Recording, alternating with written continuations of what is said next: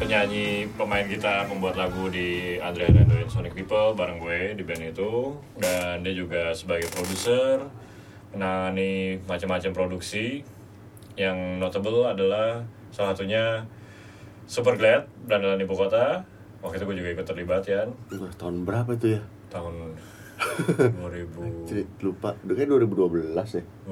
kayaknya sih 12 sih Ya. Terus waktu itu juga eh produseri ya semua albumnya HSP adalah ya yang produsernya adalah dia juga. Terus apalagi yang notable ya? Yang lagi berjalan itu ada band Arah. Arah yang muncul di film nanti kita cerita tentang hari ini. Ya, ini musik ya berarti ya? Ya, musik. Musik band atau ini ya. Heeh. Sebelumnya Cheryl, Oh iya, Sheryl Senavia, Avia, Petra Siombing, Petra Siombing. adiknya band Siombing. Oh iya. Mm-mm. Oh, single yang mana aja tuh? Yang band Siombing. Dua-duanya. Oh, yang band itu single pertamanya banget itu yang eh, judulnya kalau nggak salah Set Me Free. Set Me Free. Heeh. Ah. Eh, kalau Petra itu albumnya dia ya EP-nya dia yang judulnya Verdict Victim. Oh, oke. Ya, ya, for the victim. Oh iya itu dulu ya. Eh, itu Iya. sebenarnya gue paling suka nerima yang metal-metalan ada gitar-gitarnya karena gue Ah. pemain gitar kan sebenarnya. Ah. Jadi gue sebenarnya paling seneng kalau ketemu eh, lagu atau band yang rock metal juga gue suka. Eh, Guitar based gi- music. Guitar based music lah gue suka Ah, karena mau akustik mau Eh, mau elektrik. akustik mau elektrik karena gue suka banget gitar kan emang gue pemain gitar sebenarnya ya, suka semua aja sih karena sebenarnya for the love of audio lah Ya, kita tadi sempat ngobrolin juga tentang Andre bikin perusahaan sama Arya Proyogi. Dia adalah komposer untuk banyak sekali film, termasuk ya biasanya yang paling banyak ya film-film action ya, macam The Raid, dari satu, dari dua, Merantau, kemudian ada juga The Night Comes For Us sama Headshot juga, Apostle di Netflix, Killers. gila sudah lama banget Lama banget. Ini sejak kapan? Tahun berapa tuh waktu itu bikin alunan? karena Ogi kan udah lama ya Ah. awalnya itu gue minta tolong Ogi untuk eh, bantuin gue install Hackintosh nah, karena gue tahu dia pakai Hackintosh Oke. dan gue masih takut lah sama Hackintosh waktu itu takut gagal jadi gue gue ke rumah dia dan eh, Ini salah satu hal yang akhirnya belajar dari orang yang udah bisa ya. Iya gitu, jadi kayak eh lu kan udah pernah bikin, bantuin gue dong bikin biar nggak ada salah gitu. ya udah akhirnya bantuin. Heeh. Dan dari situ juga ya ngobrol lagi ngerjain apa lu? Gitu. Ah. Film. Film. Waktu itu eh, kayaknya me- merantau atau The Raid satu The Raid gitu ya, satu, lupa gitu. gua. Nggak lama dari situ akhirnya kita memutuskan untuk joinan lah Iya. untuk bikin itu gitu. Dan gue belajar banyak banget sih eh, Hmm. hal soal film Mhm. yang dia kulik karena dia orangnya ngulik Ngulik banget. kan. banget. Jadi info yang harus gua telan juga sebanyak itu gitu. Oke. Dan itu menarik banget buat gua. Mhm. Tapi juga ada expertise lu yang dia nggak bisa sebagus lu. eh ya tapi bukan untuk bidang film sebenarnya karena kan memang dia bukan eh, tidak pernah untuk memproduksi musik atau Iya. apa gitu kan dan kantor yang kita bikin sekarang juga nggak menangani itu Nggak menangani rekaman musik album. nggak nggak Iya, nggak menangani itu Lebih ke film lebih ke dan film iklan, media. media. lah dimana waktu itu gua lebih banyak mengerjakan yang sifatnya uh, musik band Aha. Hmm. atau uh, penyanyi solo artis gitu yang memang produsernya di sektor yang itulah ya Hmm.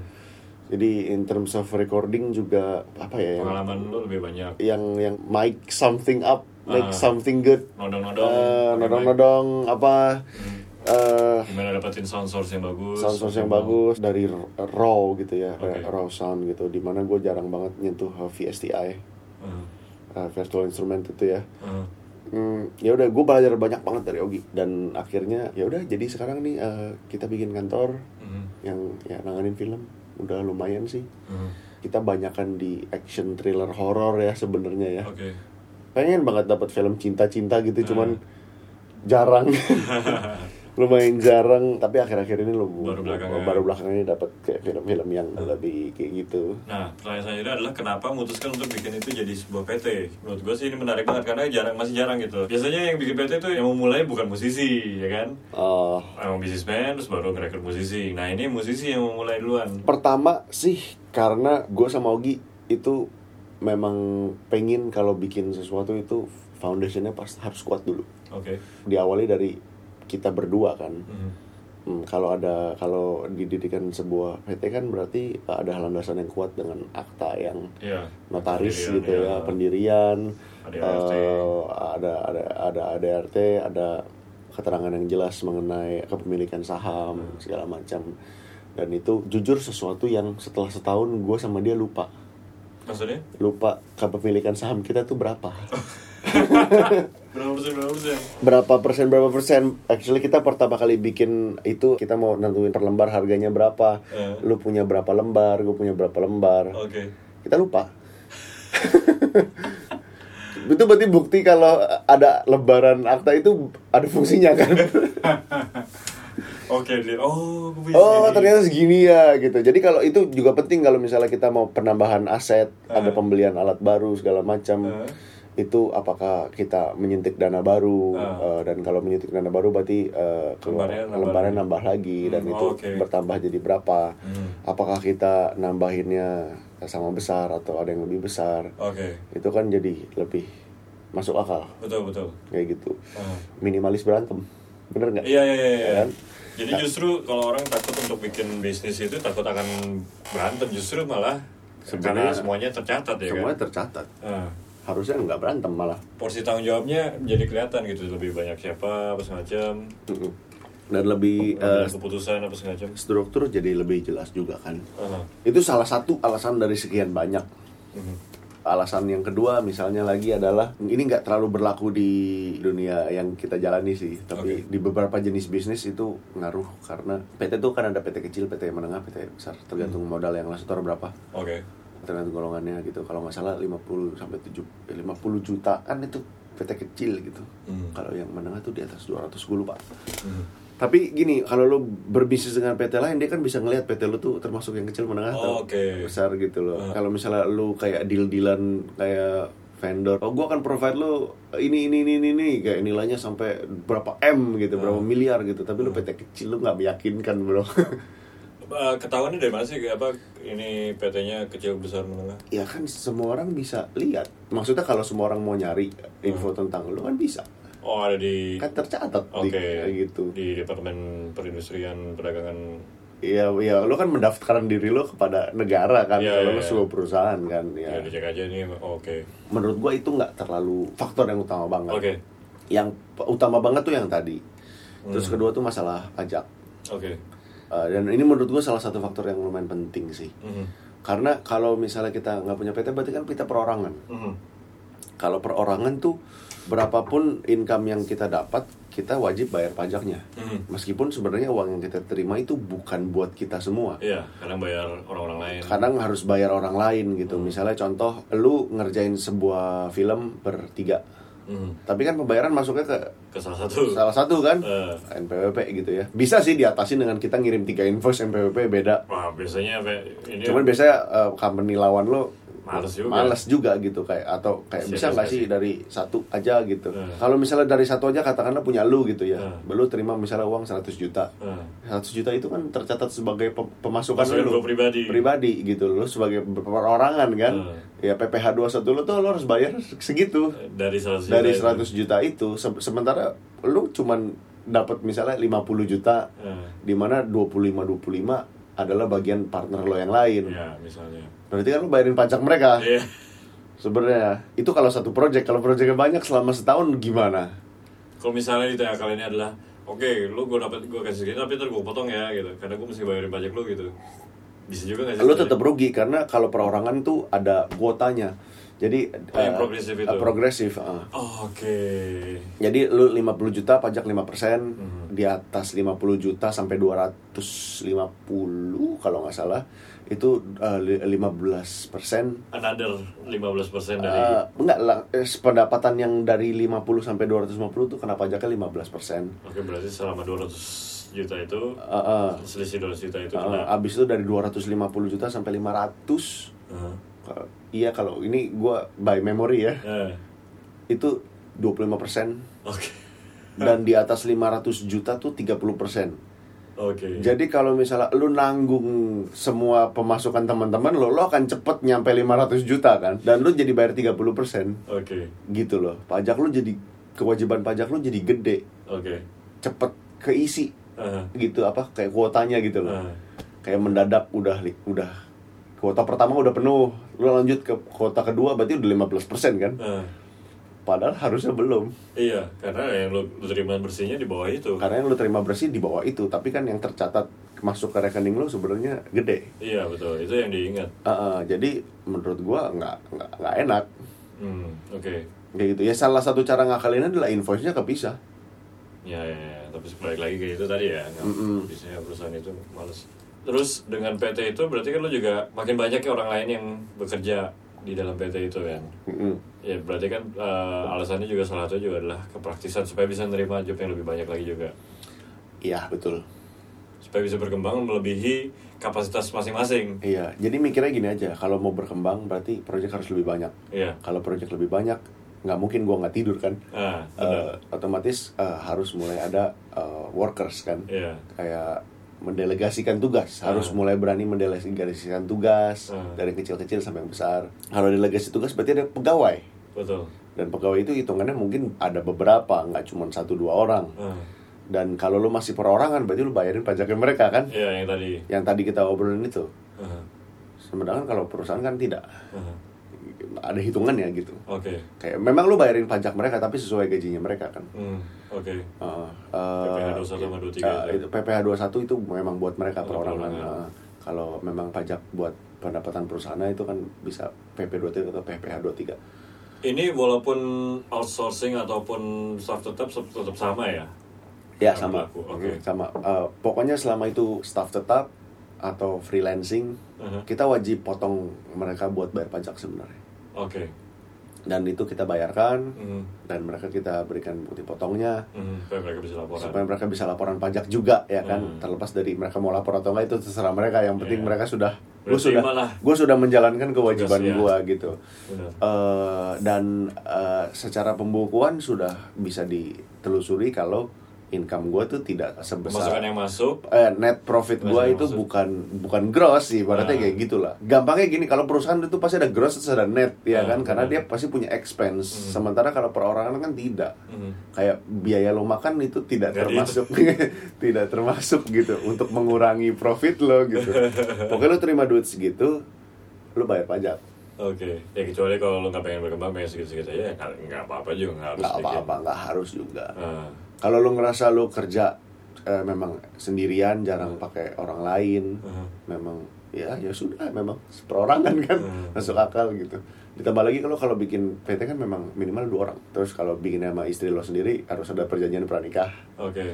ya ada plus minus lah ribet iya Hmm. tambah kewajiban pajak belum lagi masalah domisili Hmm. kalau lo nggak punya tempat domisili di daerah zonasi perkantoran lo mesti Sewa virtual virtual office ya, office. virtual office gitu Alamat terus virtual. Uh, masalah lagi ntar udah jalan berapa lama terus pemerintah ngirimin kayak eh lu belum bayar BPJS nyir gitu itu dikirimin surat banyak gitu Oh, iya. Heeh. dikirimin surat Karyawan banyak. lu- Uh, jadi ka- karyawan lu semua. karyawan harus BPJS karena Oke. kan itu itu peraturan Oke. itu itu peraturan pemerintah kalau uh, karyawan tuh harus ada BPJS Oke. Uh, itu itu kewajiban kantor perusahaan untuk memastikan mereka ada BPJS Eh, BPJS tuh nggak terlalu tinggi juga kan per bulannya. ya gue nggak ngerti lah kayak nggak terlalu gede sih sebenarnya tapi ya lumayan juga kalau karyawannya banyak kan Oh iya iya iya. Makin banyak ya makin banyak. Hmm. Iya, itu itu tergantung juga kontrak kerja seperti apa kayak bisa dipotong dari gaji mereka atau mereka terima bersih kita yang bayarin BPJS -nya. Hmm. Ya bisa tinggal kebijakan masing-masing perusahaan lah ya. Ya, Nah berarti sejak sejak lu bikin PT itu awalnya ber- bertiga Bertiga. dengan Bibi adiknya Ogi terus habis itu dari awalnya bertiga sekarang udah berapa pekerja di situ? oh eh, selama sekian tahun itu eh, pasti kita punya beberapa karyawan tetap, pegawai tetap ya dan eh, pastinya banyak anak magang. oke Anak eh, maksudnya magang itu kan termasuk salah satu cara kita juga untuk menyaring mencari bibit unggul kan ya. untuk rekrutmen ya untuk rekrutmen gitu. Sebenarnya kita hitungannya masih startup juga ya, Mhm. bukan perusahaan mega company gitu. Iya.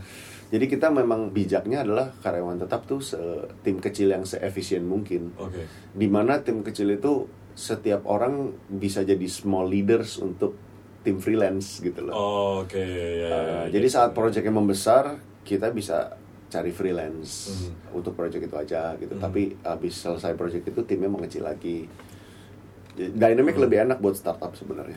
Betul sih, karena gue notice juga gue beberapa kali ngerjain iklan dari beberapa production house dan mereka selalu banyak kan freelance sih, ya karena mereka pengen bikin timnya tetap kecil. Ya karena kalau misalnya gini, makin banyak pegawai, ya pertama lo bayarin pajak makin gede, Hmm, ya gaji juga makin gede, betul. BPJS nambah, Hmm. THR nambah. Iya, iya. Kalau emang lo belum perlu-perlu banget, Iya, bikin. ya efisien aja lah gitu. Nah, kok belum sebanyak itu proyeknya juga? ya? Toh masuk masih akal. banyak freelance. Freelance bisa dibilang kayak partner tetap lah Oke. yang kita tahu mereka pasti bisa bantu gitu. Misalnya lebih di kerjaan apa aja kalau freelance? Untuk musik scoring, Hmm. untuk kayak audio post production. Oke. Karena gue juga mengajar di SAE, Hmm. di situ banyak murid, Oh, banyak iya. Hmm. murid audio post juga yang sangat skillful juga dan mereka juga di bidang itu Mhm. yang ya pastinya sangat mau untuk ini i- untuk ikutan gitu Oke. sebuah project karena itu juga portfolio buat mereka kan Betul, betul. Berarti ada ada divisi apa aja di situ? Untuk sebuah perusahaan post audio production. kita sebenarnya ada buat music scoring sama buat audio post production Uh-huh. Heeh. kalau musik scoring kan ya memang ya udah musik Bikin scoring musik, bikin ya. musik gitu kan kalau audio post production tuh kepecah dari jadi beberapa sektor sebenarnya Mhm. ada di audio post production kan ada ADR ADR tuh automated dialogue recording ya itu dubbing lah bahasa ininya Oke. habis itu ada foley Foley. foley recording gitu terus ada sound effects, Sound effects. Sound effects bikin sendiri. eh, sound effects tergantung bisa dari bank bisa Uh-huh. bikin sendiri Eh, bisa beli sound bank. bisa beli sound bank gue menurut gue sound effect sama sound design tuh berbeda Kayak gimana? tuh? sound effects itu lebih kayak memang placement sound Heeh. Kal- kalau sound design itu something yang lebih art dan sangat tergantung sama taste orangnya sih kayak lu bisa desain something so- contohnya ngedesain suara setan itu Hmm. itu Ya, lu itu mesti itu nggak itu imajinatif. itu imajinatif gitu loh Ah. atau ngedesain suara ini ada sebuah pistol dari masa depan yang Oh, yang oke. beda sama misalnya pistol biasa Ah. kalau pistol biasa kita udah tahu suaranya kayak gimana kan Ah. kayak ya udah tapi kalau ini sebuah pistol dari tahun 2090 yang bentuknya futuristik dan ini Hmm. suara suaranya mau kayak gimana ya kayak contoh gi- kenapa suara lightsaber kayak begitu Iya, betul. itu kan sound design Sound designer. Mm-mm, sound designer jadi menurut gua sound designer itu beda lah sama sound effect editor gitu Oke, oke. terus ada ya Bisa pastinya create sound baru gitu. iya betul imajinatif banget lah Itu ada divisi juga. ada Oke. terus kita pasti ada uh, buat audio editing pasti kayak buat noise clean up Oh, ya. ya. buat ya macam-macam lah Uh-huh. audio fixing lah magic Harry Potter lah di situ surround mixing pasti ada Oh, beda lagi itu. Mm-mm. itu itu kalau di film kalau nggak salah namanya pre eh namanya re-recording mixing Re-recording mixing. Ah, itu nama sebenarnya kayak dari zaman dulu soalnya soalnya kan itu kayak re-recording ke tape final kan Oh, oke. Uh-huh. tapi Dibikin. kalau ya namanya ke bawah aja dari dulu Heeh. It- yes itu be- surround mixing basically mixing. bisa 5.1 bisa 7.1 bisa Atmos Oke. dan termasuk stereo buat kayak Netflix atau Mhm. teman-temannya lah Untuk media-media di smartphone, di laptop, Ya, ya, konsol, kayak itu gitu. tergantung ya, bukan nggak semuanya di di bioskop juga gitu. iya dan itu speknya beda spek audio beda banget Oke. untuk mixing stereo buat Netflix atau iFlix atau teman-temannya Lu mesti ngerti nih. mesti ngerti banget secara teknis Standarnya. itu delivery-nya harus seberapa dynamic range-nya harus seberapa Oke. eh terus kayak meter meter tuh harus kebuka terus lah kalau mixing itu Meter. kalau digitalnya berarti digital full scale meter ya wah ini teknis banget ya intinya lah. ya meter tuh ada banyak sebenarnya ada ada view meter ada Oh, ada ada meter yang lu lihat di DAW software lu Hmm. itu beda hitungannya tingkat gitu tingkat dinamika kekerasan volumenya. iya itu Google lah Oke. Ya.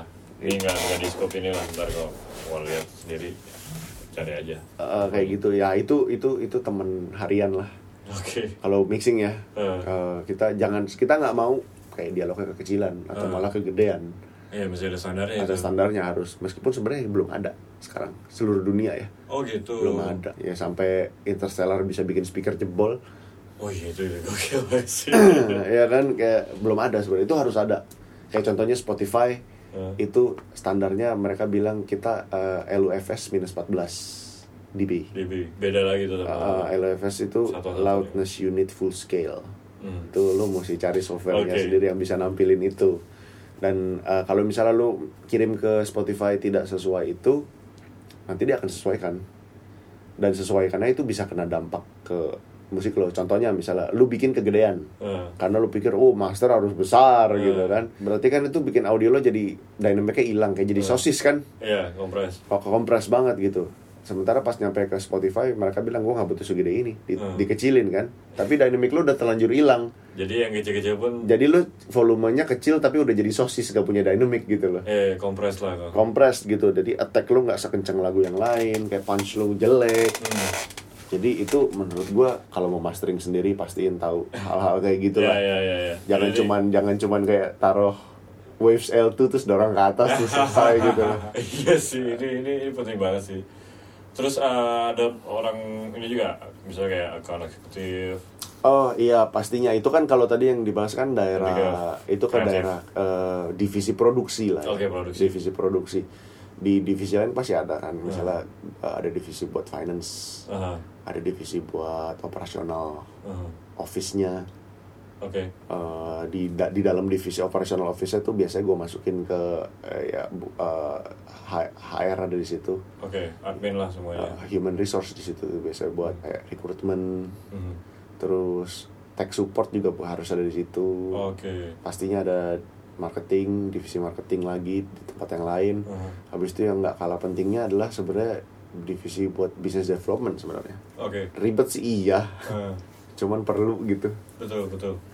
Dan lo juga bukan kuliah bisnis. nggak pernah tapi harus belajar saat ini gue acting sebagai CEO di perusahaan itu Hmm. di mana ya, running satu company jadi di di bawah tanggung jawab gue Hmm. nggak cuma productionnya doang tapi semuanya gitu Hmm. loh dan itu memaksa gue juga untuk mengerti pembukuan akuntansi dan segala macam Hmm. gue harus tahu orang finance gue bego atau pinter ya kan Bisa ngecek. Iya gitu, kayak buat operasional juga kayak kita kan barang banyak, Ah, kayak aset list itu bener atau enggak. Dia ngit- Hmm. maintenance. nah, dia ngitung penyusutannya juga bagus atau enggak. Oh, ya, iya. semua bisa dirumus sih sebenarnya. Cuman gua kemarin baru menemukan di mana aset list gue berantakan Oke. dan itu semua karena miscommunication gitu loh dan itu nyebelin banget Terapin lagi. ngerapiin lagi gitu karena ya, biar bagaimanapun staff itu nggak bakal punya eh, sense of belonging yang sama sama lu kan Betul, betul. Karena lo belum karena foundernya. Hmm. kita, ya, kita found kita pemiliknya gitu loh menurut gua untuk bisa hands on ke semua divisi Mhm. ini bicara startup ya Hmm. kalau perusahaan kegedean sih Hmm. mati sih kalau hands on ke semua divisi harus bisa Micromanage. lumayan kadang-kadang lah nggak setiap hari tapi kadang-kadang mungkin sebulan sekali lo harus berani micromanage sampai ke situ gitu Oke. untuk memastikan kalau semuanya beres Ya untuk maintenance aja sih emang. Mm-mm, sampai ke marketing juga sebenarnya Hmm.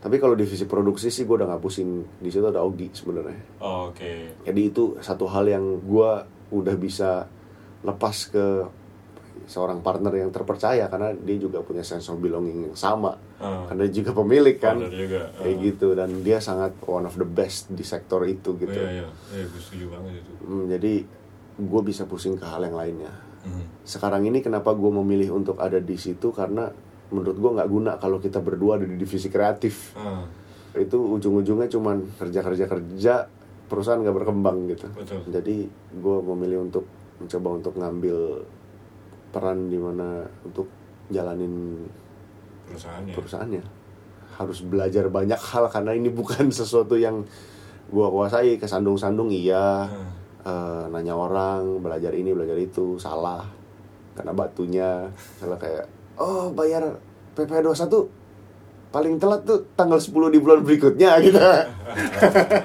ya kayak gitu gitulah tapi itu ya mulai hilang masalah-masalah konyol kayak gitu dengan Karena Kan udah belajar dari karena kesalahan. ya, selain belajar ya lu, lu bisa hire orang yang tepat kan Oke. sebenarnya Ah, kayak gitu saat lu ngerasa lu butuh hire ya lu hire Oke. lu, eh, lu, lu pekerjakan orang yang punya kapasitas di situ Berarti dengan ukuran sumber daya manusia yang ada, itu misalnya tiap bulan tuh rata-rata sekitar ada berapa project sih yang masuk? naik turun ya kayak Naik gini turun. naik turun nggak bisa dibilang sama stabil terus ada kalanya kita kelimpungan ada kalanya kita kekurangan kekurangan tapi mau nggak mau tetap harus bayar, bayar gaji buat karyawan tapi gitu mau kan nggak mau harus bayar gaji ya, kan? Ya, kalau misalnya sampai sampai sepi kan ya bukan salah karyawan kan iya betul ini salah ya kita gitu gimana loh jalaninnya Mm-mm. Jadi kalau marketing masih lu jalan sendiri atau Mar- marketing ada tim kecil lah oke nah itu kan berarti kan emang mesti bangun hubungan terus kan sama PH sama apa semacam ya pastinya Aha. ya selain itu juga harus terus eh, terus bisa membangun hubungan deal deal panjang juga sebenarnya Mhm. nggak cuma nunggu bola Mhm. ya sebenarnya hal-hal yang kita udah tahu sih sebenarnya lo mau dapat kerjaan aja jemput bola nggak bisa Mhm. nunggu gitu kayak simple cuman nanti pas dilaksanakan tuh oh iya ya gitu nggak semudah kalau diomongin ya gitu karena seringkali gue ngelihat banyak teman-teman gue termasuk gue juga dulu Aha. yang kayak menggampangkan banyak hal gitu loh Aha. tapi saat sudah menjalani ternyata itu memang tidak gampang contohnya kayak ya misalnya contoh eh, marketing Hmm. ya sudah nanti kita akan promo di eh, sosial media lalu eh, konten. bikin konten dan semua orang kan tahu dan ya elah gue jamin itu akan gagal ya kendalanya di mana aja tuh ya kendalanya emang lu sepenting apa sampai semua orang harus tahu lo gitu tahu lu gitu loh karena kan ya emang kayak kita aja gitu dalam se- sehari-hari kita ngurusin macam-macam hal kemampuan otak kita untuk mengingat sesuatu itu harus dibagi-bagi kan iya pasti betul. termasuk ya dalam hal ini misalnya untuk mengingat oh ada perusahaan namanya Alunan nih kita sama mereka aja itu juga pasti kan harus di trigger gitu dan itu adalah marketing ya berarti Iya, sa- iya salah satunya. Hmm. Ya dengan apa ya kita kita harus menyadari kalau kita bukan dealing sama end user di sini. betul Kita dealing sama s- produser juga, bisnis to bisnis sesama produser, business to business. Kita bukan sama end user. Ah. Jadi menurut gua pola bisnis seperti ini itu untuk social media doesn't really work. oke Nggak terlalu eh, ya mungkin work cuman on some level extent aja gitu loh. Iya. Nggak nggak terlalu ini paling oke gitu. Hmm. Karena kita nggak dealing sama end user. berarti harus membangun hubungan secara offline Iya, klien kita bukan penonton bioskop, betul itu end usernya kan. Ah, Eh, klien kita another production house gitu. betul yang datangin duit ya mereka gitu sebagai ya lu sebagai Iya. mereka Eh, eh, jadi men- menurut gua buat apa kita buang tenaga di sosial media, Hmm. Hmm. Eh, buang tenaga di tempat yang nggak ada nggak ada apa-apa di situ buat kita gitu. Hmm. Jadi ya mesti lebih kecil kemungkinannya nyangkut dengan marketing di situ iya betul. Lalu contoh lagi misalnya di daerah divisi finance misalnya. Hmm. ya mungkin kayak awal-awal mikir, apa susahnya sih cuma nyatet pe- pe- pembukuan gitu kayak ada duit masuk ada duit keluar gitu fuck bro itu fuck bro itu bener-bener kayak ah gue dari SMA tuh jeblok akuntansi akuntansi gue juga nol dari SMA itu beneran Lu nol Oh. masuk IPA. Heeh, beneran nol gue masuk IPA kan sama tapi sekarang tuh nggak ada alasan untuk gue nggak bisa gue harus harus tahu itu akun masuk debit atau kredit Ya, dalam duit lu. apa terus kayak- kan itu duit gue bukan ngitung duit orang lain iya dan kayak apa ya kayak ada banyak banget ya unsurnya karena lu udah urusan dengan pajak juga Heeh. dimana lu pasti ada pencatatan-pencatatan yang kayak lu harus bisa trace up sampai ke berapa bulan yang lalu Hmm. misalnya piutang gitu ya oke Eh. invoice invoice yang oh ini belum dibayar ternyata gitu Iya gitu. Sementara, sementara invoice kalau udah keluar di bulan itu lu mesti bayar pajak di bulan itu. Iya. oke Ya kan itu itu jatuhnya jadi kayak ya, pembayaran pajak di muka kan. Eh, Eh, bisa nagih nagihin lagi berarti kan di jurnal lu tuh ada yang terjadi di bulan itu Eh. terkait dengan invoice keluar tapi duit belum masuk. Iya kan?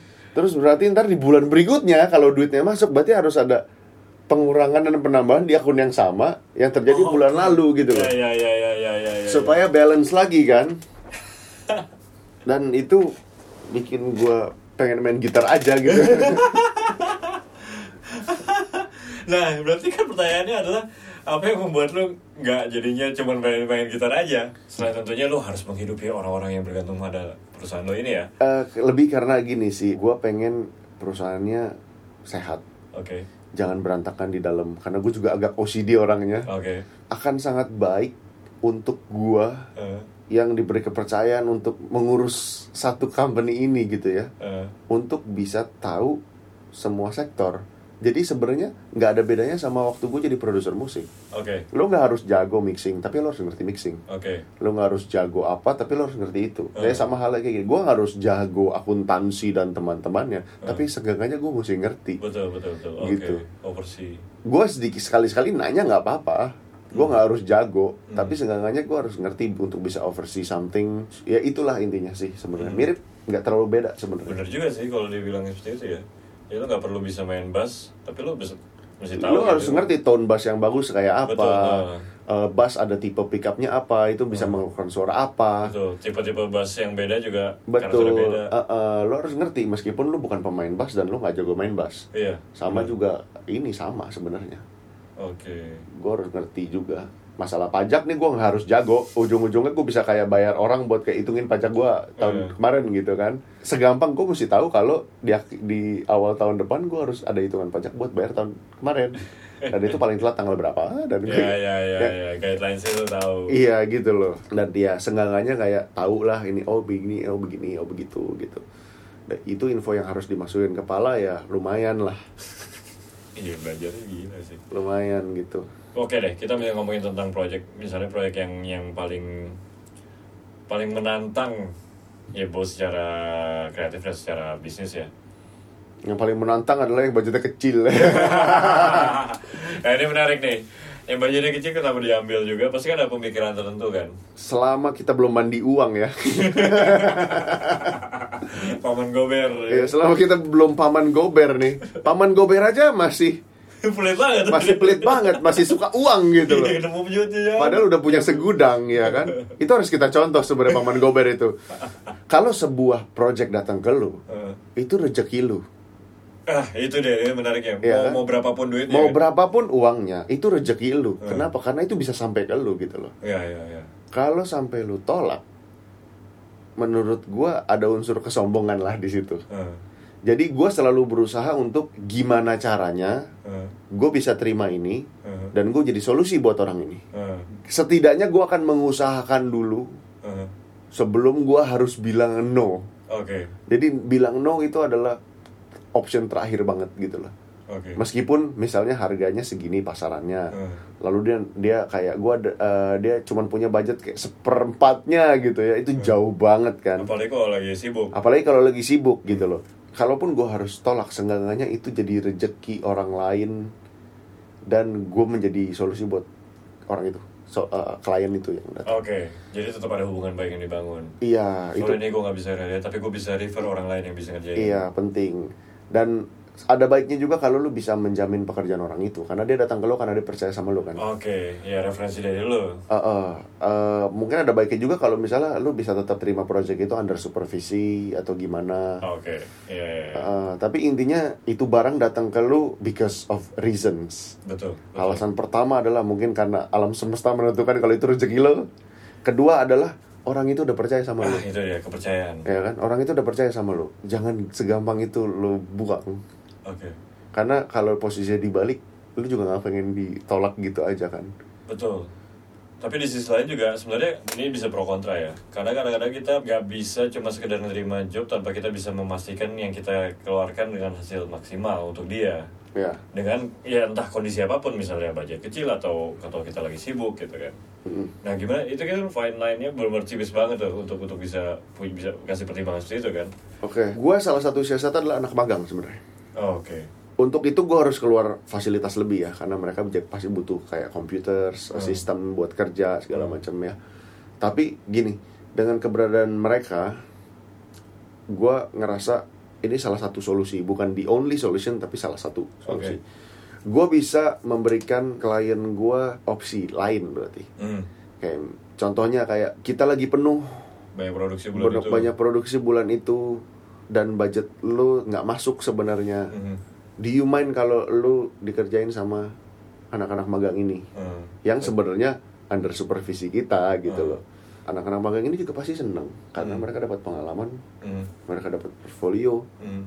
mereka dapat ilmunya itulah itu salah satu solusi sih sebenarnya kalau kliennya tidak mau ya sudah kita cari solusi lain Mhm, tapi intinya coba dulu banyak hal sebelum bilang enggak sih mhm, kita di sini kan mau jabatannya apapun bilangnya kita kerjanya apapun intinya kan kita problem solver ya betul betul ya itu sih yang mesti diingat sih kita problem solver gitu kita penyedia jasa semua penyedia, penyedia jasa tuh problem solver sebenarnya dan saat lu bisa problem solving o- orang akan datang itu adalah marketing paling bener ya marketing paling efektif. benar paling efektif saat lu bisa problem solving entah problem solvingnya sebatas hal yang kerjaan lo bagus Mhm. atau sampai sejauh lu bisa bantuin mereka mikir atau ngasih solusi yang mereka nggak kepikiran sebelumnya Oke, iya, terlepas iya. dari itu datang dari lo tuh Masih bukan ada value itu ya itu sesuatu yang tetap harus kita jaga sih dan gue pengen tetap jaga itu gitu loh Hmm. company gue juga sangat open sama project-project eh, proje- apa sih amal ya amal ya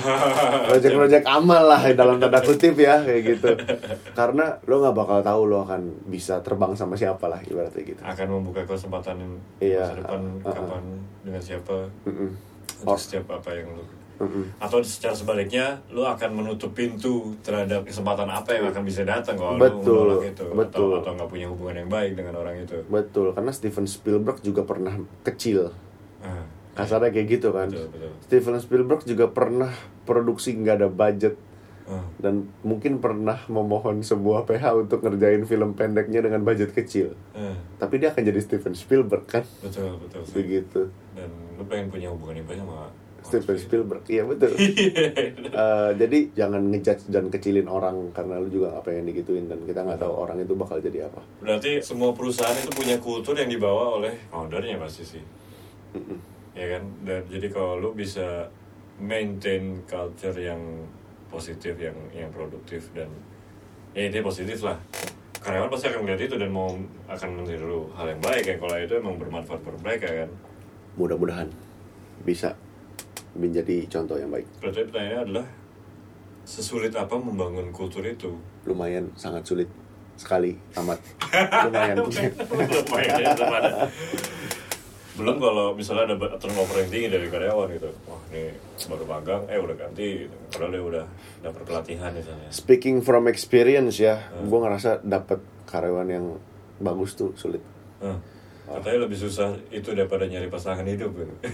ada ada patah yang bilang kayak gitu. mungkin ya karena bener-bener apa ya kriteria kan bisa setinggi langit ya harus jujur harus rajin bekerja Punya skill komunikasi yang bagus. iya itu kayak Rajin buset menabung kan Iya, sekalian kan? aja. cari CEO baru aja kita harus menyadari juga kalau setiap orang tuh pasti punya strength sama weakness Eh, dan di situ peran divisi H- human resource lu tuh gede eh, gitu loh untuk tahu setiap orang tuh sebenarnya punya strength sama punya weakness eh. kayak nggak fair untuk menilai gajah dari kemampuan dia memanjat Iya iya iya. iya kan monyet iya Eh, tapi gajah nggak gitu Hmm. jadi kita harus tahu juga orang-orang ini tuh Bagusnya di mana? bagusnya di mana karena kayak nggak mungkin ada orang yang nggak bagus di mana-mana gitu betul loh betul. Pasti ada lah sih yang satu. pasti ada salah satu ya minimal nyapu lah Masa gak bisa ya? iya masa nggak bisa nyapu sama ngepel gitu kan kalau udah parah banget ya itu mungkin sarkas gitu ya Kasih minum gitu Iya. tamu. Sudah nyapu sama ngepel aja lah kalau nggak bisa sound design dia. eh terus merapas lagi nyapu ngepel malah, malah bagus. Wih, ini buat volley bagus nih gitu. Malah dapat potensinya. Oh ternyata dia volley artis gitu. Eh tapi itu itu banyak sekali loh apa mixing engineer bahkan produser di yang ternama itu mulai dari bikin kopi kan Iya betul. di, di studio mana gitu Karena emang dulu kulturnya gitu ya kan. gitu bahkan Brad Pitt pun sebelum jadi aktor dia gulung kabel katanya Iya, iya semua semua kalau kita dengar semua cerita semua engineer lama kan iya kayak gitu nggak ada yang dari ku- lulusan mana gitu. awalnya memang karena nggak ada sekolahnya iya belum ada karena tidak ada sekolahnya jadi kayak udah kenal kenal gini kayak udah lo ikut gua aja kerja sini bantuin gua di studio Hmm. ngapain ya gulungin kabel kayak apa kayak Eh, dan mereka nggak punya pilihan lain untuk kayak ya udah sini lu duduk nontonin gua gitu terus kalau misalnya dia mau cabut kemana ditinggal gitu lu urusin rekaman ini orang ya nggak ngerti apa apa juga kayak udah deh Le- learning by mistake aja Iya. dan mistake-nya hari itu itu adalah suara legend yang kita puja-puja sekarang gitu bahkan kalau misalnya kita gila ini Bob Clear Mountain s- bikin suara snare kok bisa begini ya mungkin t- waktu itu dia salah routing lupa wah ini jadi kayak gini iya lu lupa Happy gitu accident. apa gitu accident tapi kayak ya jadi signature dia di signature gitu nggak tahu lah pokoknya aneh-aneh lah ya termasuk termasuk juga kita harus bisa belajar untuk kasih kepercayaan ke orang itu susah loh ah apalagi untuk sesuatu yang lu bagus banget di situ oke buat lu kayaknya simple banget kok lu Iya, kayak contohnya misalnya gua gue jago banget nih ceritanya untuk misalnya sound design misalnya Oke. sangat jago ah dan itu lumayan susah untuk ngasih kepercayaan ke orang lain untuk sound design hmm. lo harus bisa sabar lo harus bisa nurture mhm. lo harus bisa bikin dia berkembang guiding juga guiding juga Ah, lo harus tahu juga kalau lo pernah ada di posisi dia gitu Hmm. gemes sih emang gemes gitu yang kayak anjir ini kalau gue kerjain satu jam kelar nih Iya, apa iya. dia kok dua hari belum kelar ya Gua gitu kira-kira dia biar kerjaan gue makin iya ringan malah jadi makin berat gitu iya betul tapi ya nggak ada yang tahu kalau dia suatu saat bisa jadi key player di company lo kan betul betul betul dengan ya lu sebagai CEO dan found- founder dan CEO mem- mesti memaintain segitu banyak aspek dan ntar akan berkembang lagi ya pasti akan la- lebih banyak lagi yang diurusin jaga hubungan dengan luar jaga hubungan di dalam perusahaannya eh, memastikan semua roda gigi perusahaannya jalan terus gimana cara lu mem- membagi waktunya nih dengan kalender oke dan bukan to do list nah ini menarik nih gue gue menemukan kalau to do list itu gampang untuk lo tasok tasok lo iya besok aja lah eh, gitu karena to do list itu i- itu cuman list eh, yang ngingetin lo kalau lo belum ngerjain ini itu eh. dan lo bisa kayak oh ya nanti oh ini besok Hmm. atau kayak oh ini nanti aja dan ujung-ujungnya itu cuman bikin lo pusing doang pas terakhir numpuk gitu loh tapi kalau lo bisa disiplin sama kalender itu nolong sih bangun pagi yang gue juga masih struggling sampai sekarang bangun pagi itu karena biar bagaimanapun ada kerjaan-kerjaan yang harus begadang gitu ya Dan besoknya bangun pagi itu kayak ah, oh, mau mati rasanya tapi bangun pagi itu enak eh. mapping lah buat seminggu ke depan oke gue tetap punya to do list Eh. tapi to do list gue tuh harus segera pindah ke Ditaruh di- kalender Hmm. Nah, Oke, ha. jadi itu adalah saatnya yang lo ngeliat to do list lo Mhm. dan itu saatnya lo plotting ke kalender lo Jadi kelihatan tuh yang urgent, yang penting, penting dan urgent, penting nggak penting nggak, tapi urgent. Apa semuanya itu lah empat to do list gue sih nggak ada urgent nggak ada apa pokoknya intinya itu di tanggal itu. things yang harus gue plot ke kalender Eh, itu hari apa jam berapa Oke. harus gue kerjain gue kan bisa Dari gue kan bisa priority-nya udah kelihatan. ya. jadi. gue kan bisa ini dong, bisa bisa mengira-ngira kan ini kerjaan bisa kelar berapa jam. Hmm. Gitu dan lu bisa mengira-ngira kalau lo ada acara keluarga atau enggak Ah, atau bi- bisa istirahat. bini lo akan ngambek atau enggak. di di di mana aja lu bisa eh, istirahat Oke. eh, dan di mana lo harus lembur. Eh, Tapi abis itu tantangannya adalah stick to it gitu loh. Ah, ya, itu tuh, itu sus- itu susah banget. Stick to it lo harus bisa lo harus bisa jet jam 7 pindah. Oke. Yang itu belum kelar pun lo pindah. Eh, Karena kalau lo kelarin yang itu, semua yang lainnya. semuanya berantakan. tapi kalau itu nggak kelar, Ya seenggaknya satu dong yang gak kelar. oke, ya, ya, ya, itu benar sih. Karena lu lu plotting di kalender lo itu for a reason. Lu udah mikirin itu pagi-pagi kan. Oke, ya ya. For a reason lo plotting di jam segitu gitu loh. Lo udah pikirin matang-matang. Jadi lu lu harus kayak trust in your judgment juga kalau itu harus dilakukan. Jadi kalau misalnya lu plotting di jam 2 sampai jam 5 bikin musik, jam 5 sampai jam 7 pembukuan. Oke. ya udah jam 5 bunyi lu pembukuan musik lu belum kelar juga Oke. lu lakuin itu gitu loh Ya itu deh yang bikin gue susah untuk bisa switch gitu adalah Aduh, ini kepala gue pusing nih kalau gue langsung tiba-tiba ini ini kepala belum selesai. Gue sukanya gitu, gue struggle gitu kalau suatu kerja belum kelar gue. ya gue juga eh. Heeh. Eh, Tapi lama-lama jadi terbiasa. enggak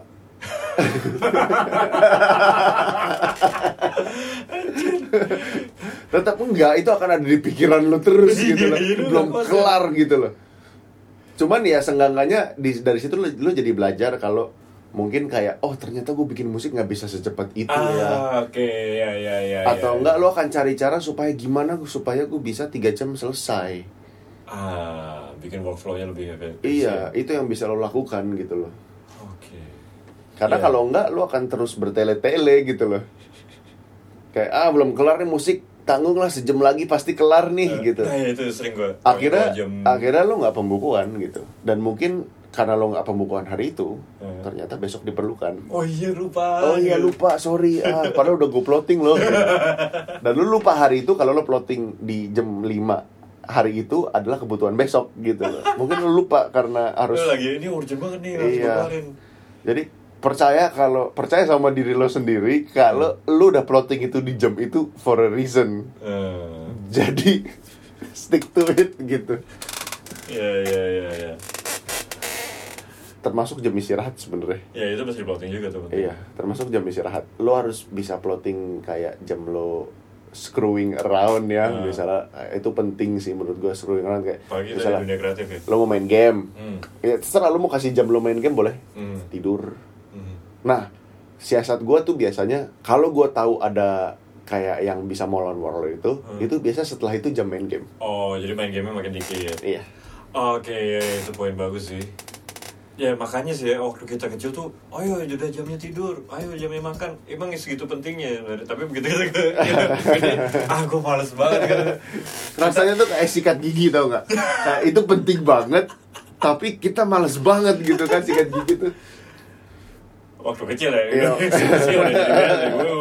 Gua- sekali sekali gigi lah gue gak bisa gak bisa ngasih sikat gigi gua. Jadi habit, ya itu sih membentuk habit ya. Karena gue hampir gue banyak ambil kelas online gitu untuk tentang ya atau atau baca tentang produktivitas dan macam dan selalu poin yang penting itulah jadwal jadwal jadwal dari dulu gue pengen bikin jadwal nggak jadi jadi juga gitu ah bisa lah bisa lah bisa lah Ya gue bilang kayak gini juga bukan berarti gua hebat ya. Gue masih struggling juga Iya. sama sama itu, tapi gue gua membantu lu gua tahu itu yang bener karena itu actually pas gua lakuin itu itu beneran helping. Efeknya langsung ini. Efeknya langsung berasa. karena kita semua punya 24 jam yang sama tapi kenapa sebagian orang tetap di situ-situ aja sebagian orang bisa terus maju Mm-mm. karena itu segitu penting ya, itu yang membedakan ya. Iya. Kalau lu coba plotting seefisien mungkin dan lu stick to it pertama kali nih seminggu pertama lu akan lumayan amazed seberapa banyak hal yang bisa lo kerjain sih. Akan susah kalau misalnya lu nggak planning, terus lu bangun pagi-pagi, Eh, terus lu berharap lu bisa ngerjain banyak hari itu menurut gua nggak nggak akan terjadi sih karena biasanya lu bangun terus lu ngapain? Ya kan biasanya scrolling kan. eh cek HP Scrolling habis itu eh udah jam segini eh eh jam segini kayak kayaknya jam makan nih akhirnya lo Makanya jadi ntar ya mau bikin musik dulu jadi malah mah sakit mah atau apa karena sama aja kayak gini sama aja kayak keluar duit Eh, keluar duit yang kecil-kecil tuh nggak berasa iya iya iya iya iya iya, iya. tiba-tiba gede aja Iya. hilangnya di akhir bulan sejuta kemana nih kayak gitu rasanya mirip kayak gitu kayak itu sama kayak buang-buang waktu kecil-kecil tapi lama-lama pas ah, di akhir hari tuh kayak fuck Oke. Iya sih, gue pernah baca sih cara kita memperlakukan waktu. Eh, iya sama dengan cara kita memperlakukan uang. Iya, makanya time is money. ya. iya tapi semuanya dan kencing loh Iya, udah deh, ini deh. Emang emang udah udah udah mesti diakhiri. Thank you banget. Oke. Udah udah berbagi semuanya ini dan semoga bermanfaat juga buat teman-teman yang lain. Menurut gue sih ini bisa berkepake banget entah lu mau bikin perusahaan atau enggak karena sisi bisnis ini sangat penting buat kita terutama musisi terutama bila kita ingin terus berkembang gitu. Ya apa sih cita-cita kita menjadi musisi pengen bisa bikin musik untuk didengar orang banyak pengen kasih impact kan kita pengen ber- berbagi joy itu dan untuk kita bisa nge-reach menjangkau semakin banyak orang ya kita butuh untuk mengerti eh, aspek-aspek bisnis ini supaya kita bisa makin mengembangkan eh, kapasitas betul seperti itu oke sekian aja dulu episode ke eh 12 atau ke 13 12 b 12 B ya kayak nomor rumah ya kan ada 13 ya udah kita ketemu lagi untuk episode selanjutnya see you keep growing yo